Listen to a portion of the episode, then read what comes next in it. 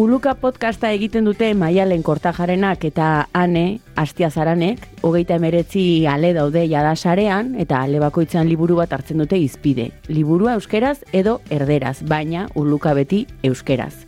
Igandenetatik aitzinera, naiz irratian ere adituko dituzue Kortajarena eta Astiazaranen erranak edo bertze era batera erranda, uluka podkosta ere naiz irratian zabalduko dugu. Igande bazkalostetan nahi zuzen ere, arratsaldeko iruretan, maialen eta ane, ongi etorriak naiz irratira, arratsaldeon. Arratxaldeon. Arratxaldeon. Uluka podcastaren sortzaileak, bultatzaileak eta egileak. Zuek egiten duzue uluka eta esan dugu ez dela podcast eh, berria, aspaldi hasi zinetela abentura honetan, zein sensazio duzu, eh, orain arte egindako bidearekin? Uf, ba, e, pentsatzen doguna, baino luzia hoa dela, ez? Ni dauka sensazioa, ondala oso gutxi hasi eta isa isa, ba, ondiokan probatzen nahi girala, gauza berritxak irakurtzen, e, gauza berritxak komentatzen, eta sensazioa, ba, ondala gutxiko zehozera dela. Hogeite meretzi podcast, arean, erran bezala, seguro baten bat gogoratzen duzuela horrela kariño bereziz. Hmm, bai, no, bereziki liburu batzuk e, dauzkatola gogoan kariño bereziakin, baino hola podcasten bat aukeratzekotan bai dakatela gogoan e, egin genuen hirugarrena izan zala alain agirreren karena liburua, eta ba, etorri zan nire lankide eta lagundan e, itziarro termin, eta kontatuzun ba, ba, bere kasua, ba, gaiarekin bat zetorrena, eta ba, bai, pasarte horri diot kariño berezia. Bai, oso gogorra eta oso politxe izan zen. Nik ere hori nahiko nuke aipatu, ze iritze jata normalian bisok bakarrik egiten dugu e, ba, komentatzen dugu liburua, baina noiz behinka, e, gonbidatuak ere ukitzen ditugu, eta usteot hori izan dela momentu oso berezi bat, ez? Ja, ez talako gu bison arteko elkarrizketa soila, baizik eta pixkat arata jun, e, ba, kanpoko jendeak normalian gurekin egoten ez danak ba, esateko dituana kontuan hartu, eta elkarrizketa uste oso aberazgarriz izaten dela kasu horietan. Bai, osea, beste ikuspegi eta esperientzia batzuk, ez? Hmm. Goazen naiz irratiko entzulei pixka definitzera zer den, uluka podcasta, bak ezuk, azetorei beti gustatzen zegula dena e, klasifikatzea eta definitzea. Azgaitezen iraupenarekin, hogeita amar, hogeita amabos, e, batzutan gehiago edo gutxiago, minutuko inguruko saioak egiten dituzuen, uste duzu hori dela iraupen ideala podcast baterako? Uf, bai gisa zan, buelta gehiagerik ez diogu eman kontuari. Egia da, em, hogeita mar minutu baino gehiago ikusteak, ez, hasi aurretikan, ez dakit, mm, nire sensazioa zen pixkat atzeraka ematen zula, edo ja, hogeita mar minututikan aurrera, ja, gehiegi edo astunegi bihurtu altzala. Eta pixkat, hortikan, limitea bai jarri Mm. genula pixka bat hogeita mar minututa, baino, bueno, ba, horren bueltan ibiltzea, Bai. ez, de, ez diogu denborari ere gehiegi erreparatzen. Ez, gero urtetzen dana, ikusten badugu gustora egerala eta lusatzen nahi dela, ba, aurrera. Ez da ere muga oso oso zorrotzat jarri dioguna. Eta erran dugu aldiro, liburu bat eh, aukeratzen duzuela, nola egiten duzue aukerak eta hori, zergatik eh, liburu bat orain eta gero bertzea?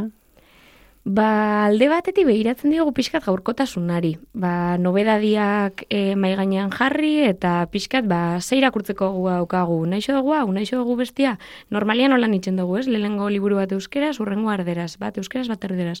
Orduan, horren arabera, ba, pixkat batez ere euskal literaturako liburueri e, bai heltzen diogu gaurkotasunetik, eta gaztelaniakoak pixkat, ba, ez dakit, e, Ba, eske, gomendioekin, igual, bai, ez? Bai, da, bakoitzak dauka zerrenda luze bat, e, Hmm. ba, ez dakit, liburu batzukin ba, gustokoak ditugunak edo nahiko genituzkenak irakurri edo, eta pixkat ba, horri heltzen diogu, eta gero bai saiatze gehala, mm, ba, pixkat ez dakit, azkeneko libura izan baldin bada novela, ba, urrengoa igual saiakera Mhm. izatea, edo novela, edo adibidez, nik e, ulukaingo ez banu, behar bada ez nituzke hainbeste komiki irakurriko adibidez, eta ordu ma pixkat igual gure buruari ere exigitzen diogu pixkat aldaketa hori eta. Eta errex iristen zarete konsensura? Bai, ez da?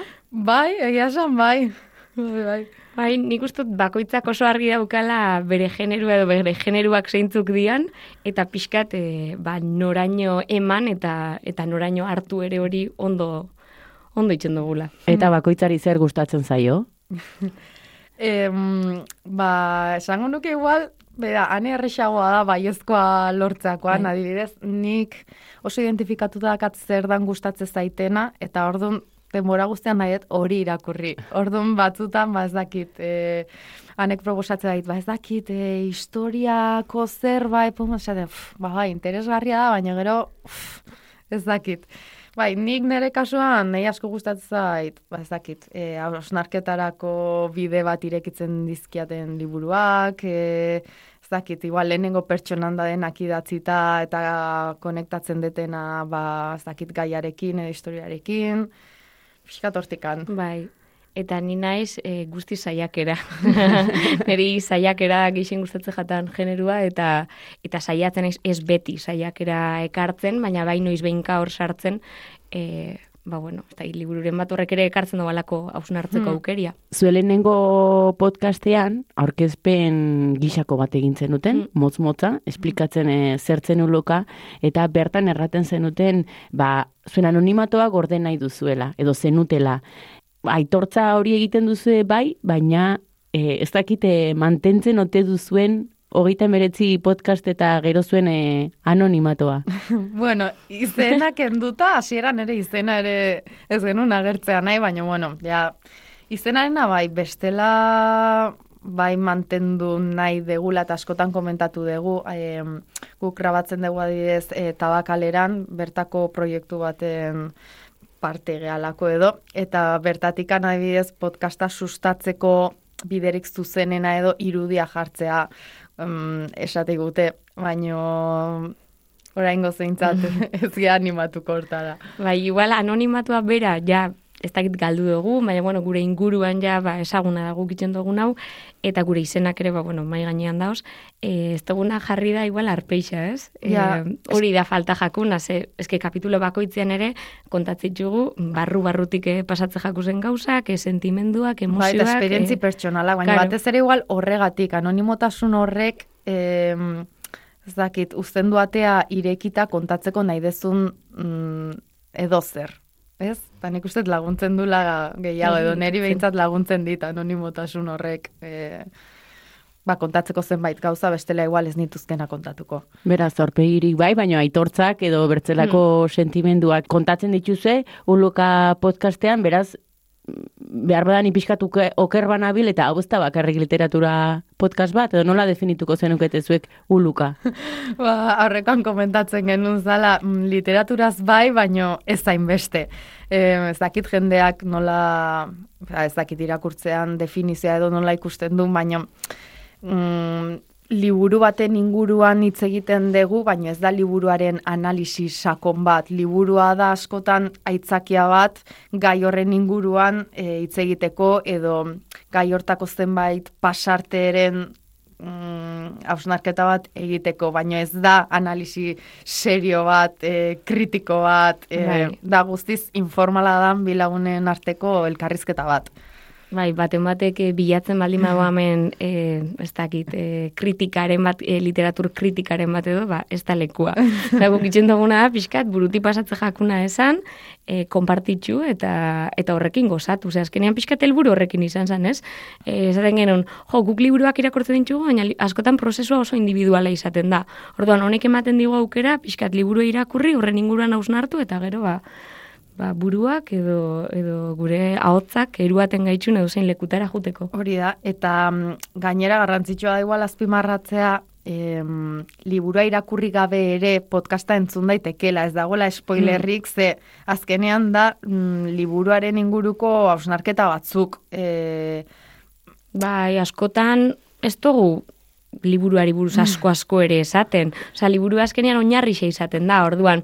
Igual bat ematek esaten badu, jo, nik ez dut entzungo hau, ze liburu hondik ez dut irakurri, ba. Seguro asko ez tozu, ba hori, ez spoilerri jango, ez informazio geixegiri jasoko, ba, izango da. hain zuzen ere, izan daiteke aitzakia ona entzutea lehenago, Mhm. ba, ja- ba, jakiteko liburuan nondik handi joan, ze aipuak ere jartzen ditugu, liburutik ateratako aipuak, eta orduan, ba, horren arabera, eta hitz egiten dugunan arabera eren, ba, norbaitek esan dezake da, ba, interesatzen zait liburu hau, edo ez, edo, Ari bat bota duzu, tira egingo diot, pixkatzela zuen intentzioa, ez, uluka podcast honekin, guazen beraz, berriro astapenetara, nolatan animatu zineten e, uluka sortzera?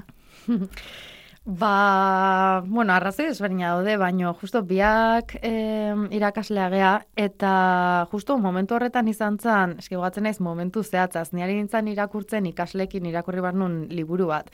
Eta gero, ba, bueno, nabien eskolan egiten dana da, gero azterketa bat egin ikaslei. Eta ia oza, etzait iruditzen liburu bat lantzeko modua. Eta orduan, ba, e, duela bi urte horrela, sinitzen pixka bat saiatzen ikaslekin egiten, ba, tertulia dialogikoak, edo pixkat ko komentatu, e, liburak aukeratzekoan ere horri eman lentasuna, jo, mendikan liburu ni atera, hauek komentatzeko, edo gai hau interesatzen zai, eta pixkat horrela.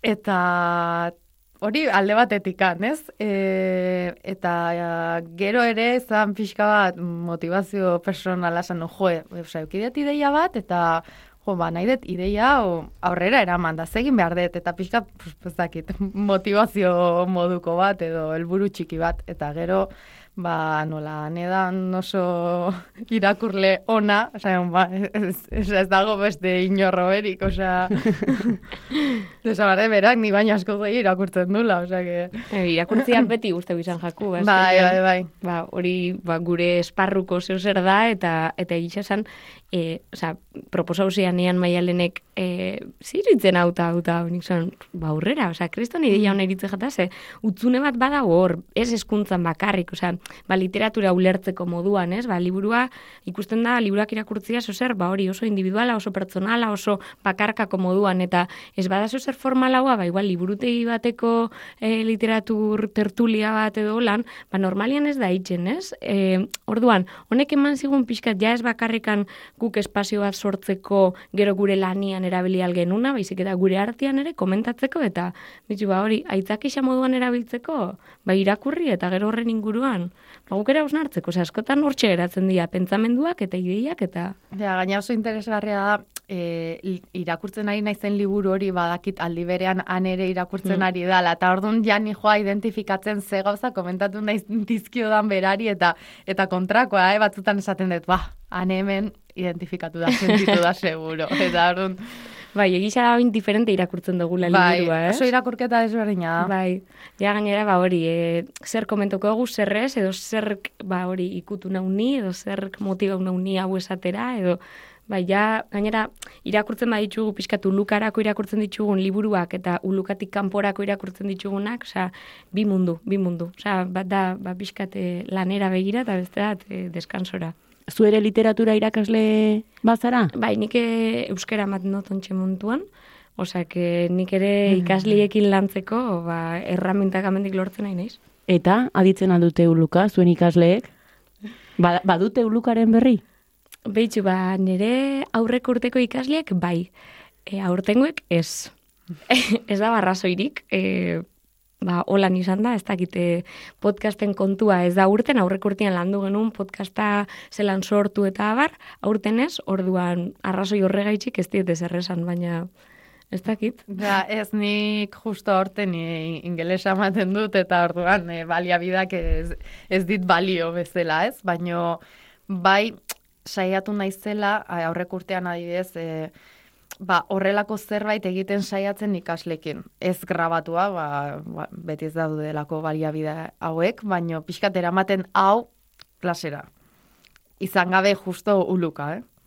Eta nabaritzen duzu urrengo belaunaldietan, bueno, zaletasuna badagoela literaturarekiko edo inundik inora. Mm -hmm. da gure erronka nagusisetako bat. Osa, niretza gainera momentu batzutan frustrantea da nabi urtzen da. Ze, karo, nik esan dut, e, nik neri, karo, neri asko gustatzen jata irakurtzia, eta inguruan ere baditut irakurlia, akordan esaten dut, hau zer da, gerora etorri gantzeo zer eta oin, karo, guk nera behekin itxen dugu lan, orduan, karo, e, ez da edade bat ere, ba, irakursaletasuna, ba, ez da gite, oso erakargarri da naurentzak, orduan, karo, guk e, hori zelan landu eta zelan ez landu, Takit, oso oso saia bihurtzen da, euren interesetik ez datorrelako, ni bintzatu lan ikusten dut.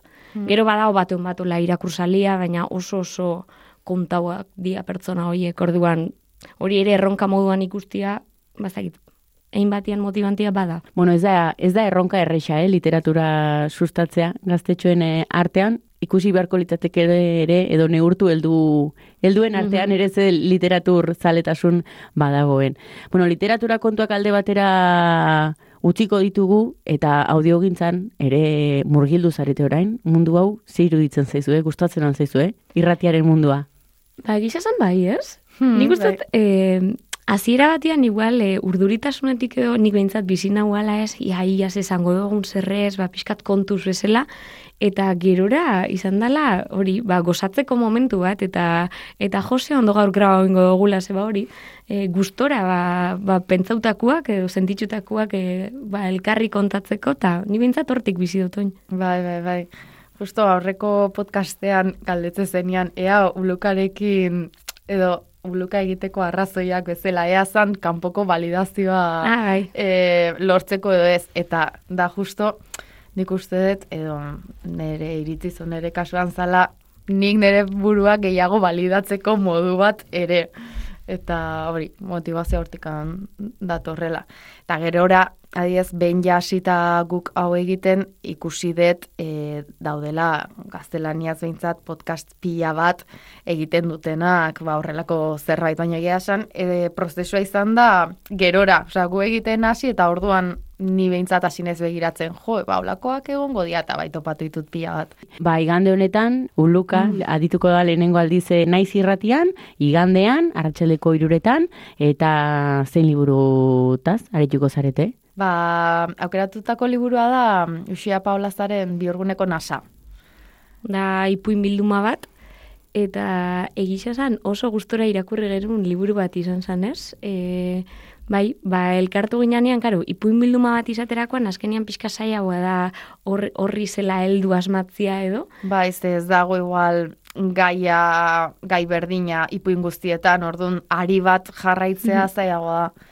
Baina kasu honetan pixkat izan zen, ba, hori, ez dakit, gure burua e, ba, ipuin horietan ikusi genula, edo ez, pixkate identifikazio horretatik, ba, hori, ba, neska gazte gure klase sozial antzekoko baten ikuspegitik kontatzen dialako ipuinak, eta bar, Ederki, ba, igandean, entzungo zaituztegu, naiz irratian, maialen eta ane, mila eskerre onate bertaratzeagatik, eta sorte hon, ibilbide berri honetan. Bueno, ez dakiten, ibilbide berria, errango dugu, bidea zabaldu dela. Oia, bai. mila, mila esker. Bai.